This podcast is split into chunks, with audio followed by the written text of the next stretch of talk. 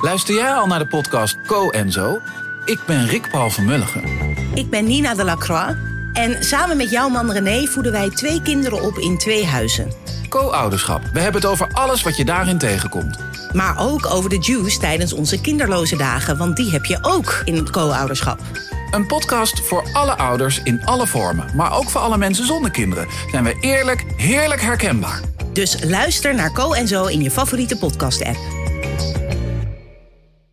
Relaas maakt kans op een oorkonde. Dat is wat de grootste, maar ook de enige podcastprijs van Vlaanderen.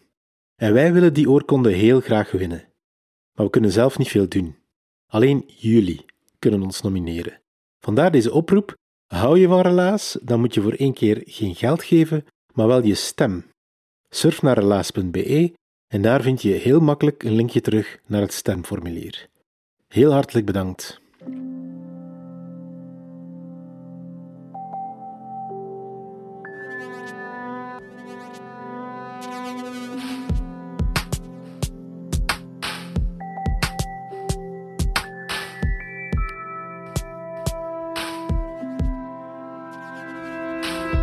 Hey, ik ben Pieter van Relaas. In Relaas vertellen mensen waar gebeurde verhalen die ze zelf hebben meegemaakt. We gaan luisteren naar Thomas. Thomas is een brandweerman. En brandweermannen die komen dingen tegen die jij en ik niet elke dag overkomen. Thomas vertelde zijn relaas in Snuffel in Brugge.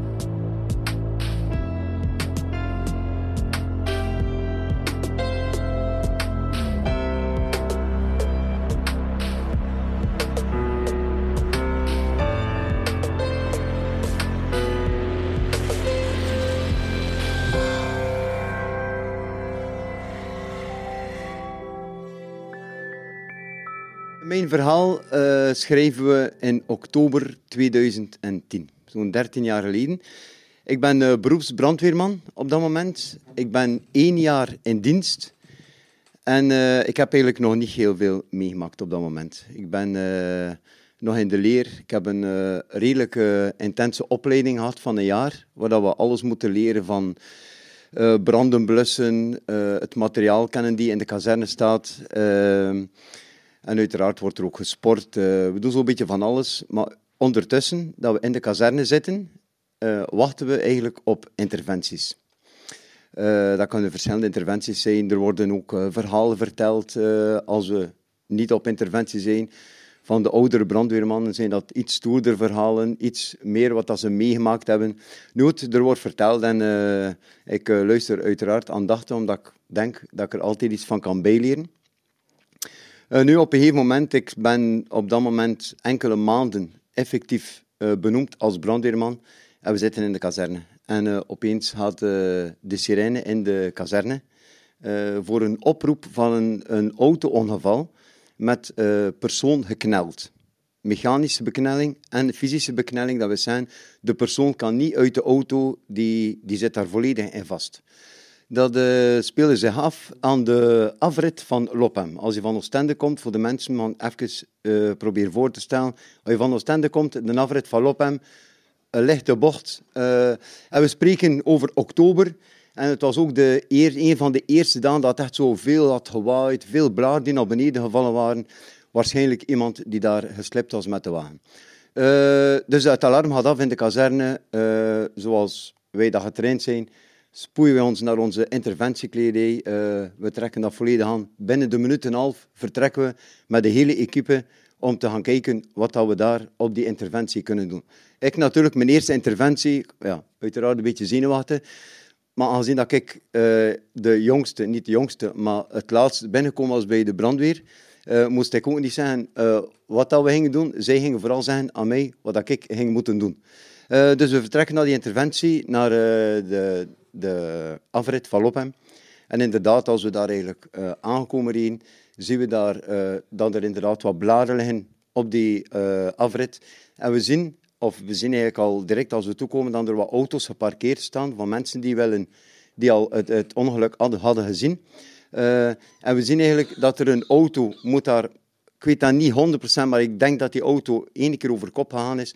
En die auto ligt eigenlijk naast de baan in de berm van de afrit. Die auto die ligt uh, Met de onderkant van de, onderkant van de auto staat eigenlijk die rust tegen twee bomen.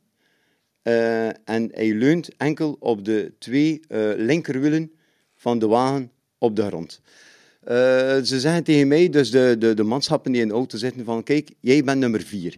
Dus iedereen in de, in de brandweer, bij een technische interventie, krijgt een bepaald nummer. En elke nummer hangt vast aan een bepaalde functie die je moet, moet uitvoeren. Ik had nummer vier en dat is eigenlijk de wondenverzorger. Dat wil zeggen dat nummer vier zo rap mogelijk bij de patiënt moet, moet geraken, om daar die patiënt te stabiliseren, maar ook om contact te houden met de patiënt, om uit te leggen wat dat we doen, wat dat we gaan doen met de auto, uh, om haar gerust te stellen of hem gerust te stellen, uh, zodanig uh, dat die mensen een klein beetje op hun, op hun gemak zijn. Nu, ik kreeg dus die taak, dus ik mocht niet beginnen knippen in die auto. Dat was voor de iets oudere brandweermannen, dat was nog niet mijn taak. Ik was daar nog niet klaar voor. Dus ik kom daartoe en ik zie dus, dat die auto die op zijn zijde ligt, dat die deur, de portier van de, van de chauffeur, heel verwrongen is. En er steekt ook een, een arm uit. Een stuk van die arm steekt door, door die deur eigenlijk. en die zit vast. en ik, ik doordat dat laag bij de grond was, ik, ik zit direct op mijn knieën. En ik zie daar ja, een jong meisje, ik schat rond de 24 jaar. Mooi lang zwart haar, prachtig meisje. en een accident had. Dus wat doe ik? Ik neem haar hoofd vast. En ik, ik stel eerst mezelf voor. Ik zeg, het kan misschien makkelijk zijn dat ze, dat ze weet wie dat ik ben. Ik zeg, ik ben Thomas. Ik zei, we zijn van de brandweer. Ik zei, we zijn hier met de hele equipe. Ik zei, we gaan straks je auto moeten volledig openknippen om je uit die auto te halen.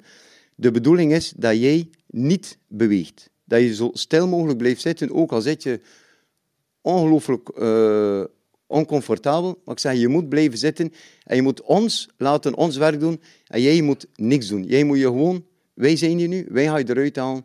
Je mag je volledig uh, berusten in de situatie. Ik heb dus haar hoofd vast, omdat uh, bij een, uh, een hit-ongeluk, uh, een hit, dat wil zeggen hoog energetisch trauma, kan het zijn dat de rug beschadigd is, de, de rugwelvers, waardoor dat er eventueel verlamming kan zijn. Of als het nog niet helemaal kapot is, kan het zijn door bepaalde bewegingen of bruske bewegingen dat je wel de schade erger maakt. Dus ik zit op mijn knieën en ik hou haar hoofd eigenlijk tussen mijn twee handen hou ik uh, het hoofd vast. En uh, ik stel wat vragen van, weet je welke dag dat we zijn? Ja, uh, van waar kom je? heb je gedronken? Want uiteindelijk weten we dat ook niet. heb je medicatie? Is er een, een medische achtergrond dat we, dat we, eventueel moeten weten? Nee, dat was allemaal, dat was allemaal in orde. Ehm, ik zeg, kijk, ik, zeg, ik, ga, ik zeg, je weet dus vanaf nu, als er iets is, roep je gewoon Thomas. ik blijf hier bij jou zitten heel de interventie en ik ga je pas loslaten op het moment dat je meegaat met de ambulance. Uh, ik leg ook wat dat er gebeurd is. Van, van, ik zeg, je hebt waarschijnlijk een tuimeling gemaakt of heb je... Eh, dus ik zeg, je moet er niet mee zitten. Wij gaan je stabiliseren en uit die auto halen. Maar ik zeg nu dat we elkaar toch al één à twee minuutjes kennen. Ik zeg, wat is eigenlijk jouw naam? En zegt ze, Lente.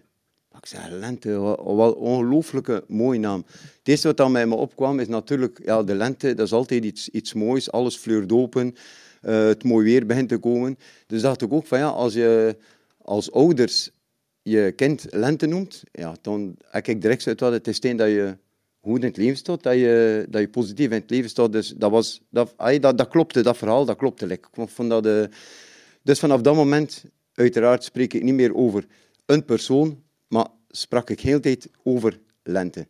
Dus ik stel ook vragen aan lente. Ik zie ook allemaal dingen in die auto liggen. Niet? Dus doordat die auto, een, ja, alles in die auto is door elkaar, liggen daar ook cd's uh, in die auto. Er ligt daar een handtas. Ik probeer wel die handtas te nemen om de, het paspoort door te geven aan de politie.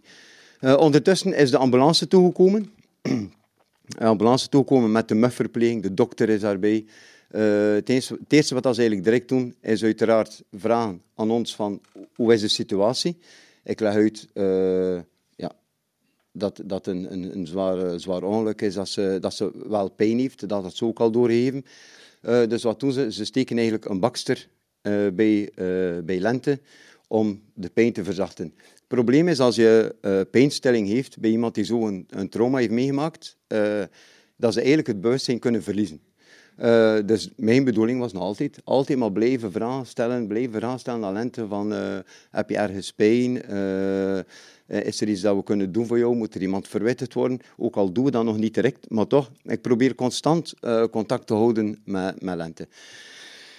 Ondertussen uh, leg ik ook uit dat ze heel die auto aan het verknippen zijn. Want ze, eerst trekken ze die deur, met een speciale machine trekken ze die deur eigenlijk open, zodanig dat die arm daarvan onder kan. Ik denk niet dat die arm toen eigenlijk gebroken was of zo. Maar goed, die beknelling was toch al, uh, was toch al weg. Uh, en ondertussen blijf ik maar altijd met dat hoofd tussen mijn armen zitten. Nu achter een eind, want dat was een interventie van eigenlijk het moment dat wij toegekomen zijn, totdat uh, lente uit die auto was, heeft dat een uur en tien minuten geduurd. Dat was, echt, dat was eigenlijk een, een, een heel zwaar uh, uh, accident. Um, dus ik zat eigenlijk al achter een half uur, ja, Bos, kijk, zo, kijk dat, van die slam de voet te krijgen en Bos, ik met Rick Bos zeer te doen en zo. Ik zei, ja, ik, zei, ik, moet, ik moet wel dat, dat, dat hoofd kunnen verpakken, dat ik een keer mijn armen kan, kan loshudden.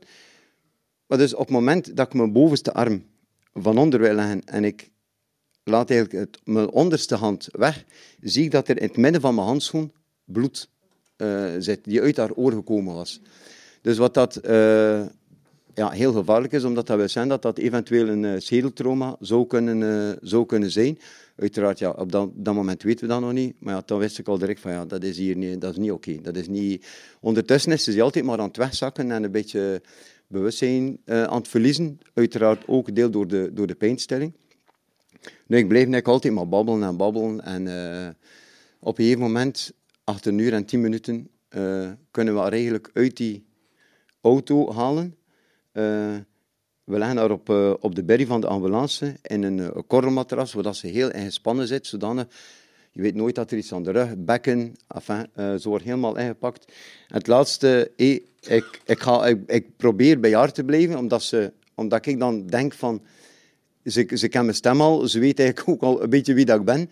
Uh, ik ben ook iemand die veel vertelt. Uh, dus uh, ook om haar bezig te. Dus op het laatste moment zie ik haar eigenlijk vertrekken in de ambulance. zeg ik nog een gewoon van veel succes met de revalidatie. Ja, meer kun je ook niet veel zijn. En ze vertrekken naar het ziekenhuis. Wij ruimen heel de boel op, alles terug in de auto. Wij vertrekken naar de kazerne. En voor ons is dat eigenlijk ja, is een beetje cru om te zeggen. Voor die mensen start er een heel proces. Maar voor ons is die zaak op dat moment afgehandeld. En wij doen gewoon verder met onze dagelijkse taken. Dat is voor ons uh, same as usual. Uh, nu, enkele weken, maanden later, kregen we opeens een brief uh, in de kazerne van de mama, Valente, dat ze de mensen die bij de brandweer die haar eigenlijk uit die auto hebben geholpen, uh, een keer wilt ontmoeten. Of dat ze een keer wil weten wie dat wij zijn. Nu, dat wordt direct aan de telefoon afgeblokt van kijk, ja, dat doen wij niet. Dat is uh, ook een vorm van beroepsgeheim. Wij, kunnen dat, uh, wij mogen zomaar de namen niet geven van mensen. Ja, maar dat was geen moyen. Ze wilden weten wie dat, dat was en ze wilden die mensen persoonlijk bedanken. Nu, uiteindelijk, en ondertussen ben ik uh, al 15 jaar beroeps, is dat inderdaad nog maar één keer gebeurd dat we daar eigenlijk op ingegaan zijn. Het was ook en dat is misschien wel uh, waarom dat, dat verhaal ook zo speciaal is voor mij. Omdat dat mijn eerste grote interventie was. Dat was echt de eerste interventie waar we echt iets van, uh, van meerwaarde hadden op, uh, op zo'n incident. dus we spreken af met, met vier brandweermannen van ja, zien jullie dat zin om een keer te gaan naar, ik denk, Westende, waar, dat, waar dat de mama en waar dat Lente woonde. dus ja, wij daar naartoe met een auto. En wij komen daartoe, dat mooi meisje was nog altijd even mooi, maar het haar was superkort. Dat was echt superkort. Uh, ze had ook nog niks gehoord van het verhaal. Van, uh, ze wilde ook de foto's van in het ziekenhuis niet bekijken. Ze wilde dat nog niet, ze wilde dat nog niet zien. We hebben daar dan ook niet te veel in details getreden van wat dat we gedaan hadden, maar we hebben het wel even kort uitgelegd. We hadden uiteraard ook een kalender uh, mee van de brandweer. dat is typisch de brandweer natuurlijk. en we hadden ook gezegd van kijk, stel dat je er ooit klaar voor bent, als je komt naar een open deurdag van de brandweer, uh, dan ga ik kunnen zien wat dat we eigenlijk juist gedaan hebben. Want we geven daar altijd demonstraties, ook over het uh, openknippen van een auto. Uh, ja, ja, ik kan dat dan wel zien. Als ik daar misschien klaar voor ben. nu goed, wij vertrekken terug naar huis. ja, ik, vond dat echt ik vond ik weet cool dat dat uiteindelijk goed gekomen was met Lente. Want wat bleek toen dat we daar thuis waren, bij, uh, had die mama verteld dat Lente drie weken in coma had gelegen.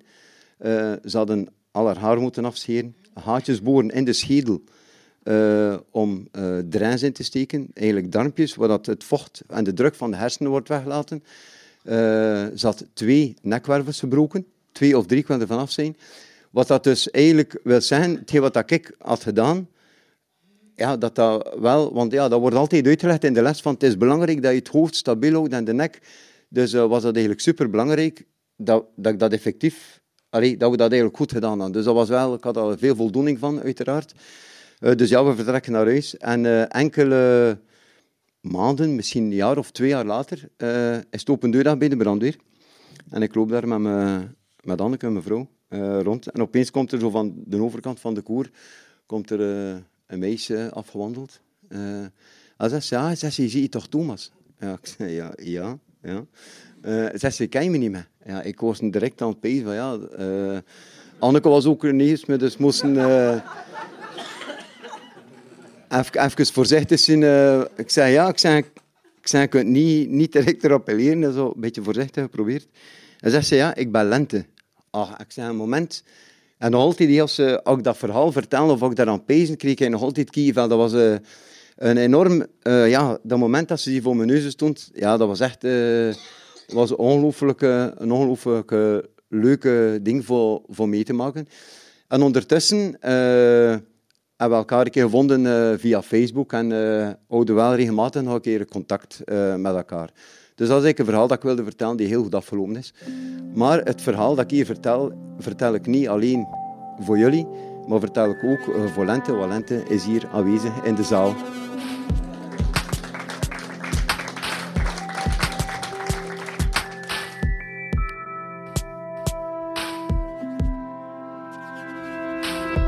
Dat was het relaas van brandweerman Thomas. Hij heeft het verteld in Snuffel in Brugge. Was in september van 2023. En mocht je jou afvragen of Thomas zomaar mocht vertellen over wat hij ziet en hoort en tegenkomt als brandweerman, Nee, niet echt. Brandweermannen die zijn gebonden aan het beroepsgeheim, maar in dit geval heeft Thomas heel duidelijk gevraagd aan de betrokkenen of hij erover mocht vertellen. En uh, dat was helemaal goed. Meer nog, een van die betrokkenen zat mee in de zaal te luisteren. Voor haar moet het vooral heel speciaal geweest zijn. Relaas bestaat dankzij de steun van de afdeling cultuur van de stad Gent, dankzij onze storytelling-projecten, die doen we overal in Vlaanderen, maar ook dankzij jullie, onze vrienden van de show. Dat zijn jullie, onze luisteraars, of toch zij die elke maand 2 euro of meer aan ons gunnen. Zoals Matthijs. Ik ben vriend van de show geworden na een relaasavond waar ik geweldige emoties heb doorgemaakt en, en, geweldige verhalen heb gehoord. En ik dacht, ja, dat is iets uh, waar ik mijn eigen wil achter zetten. Word nu vriend van Relaas op vriendvandeshow.be slash relaas. De firma dankt u.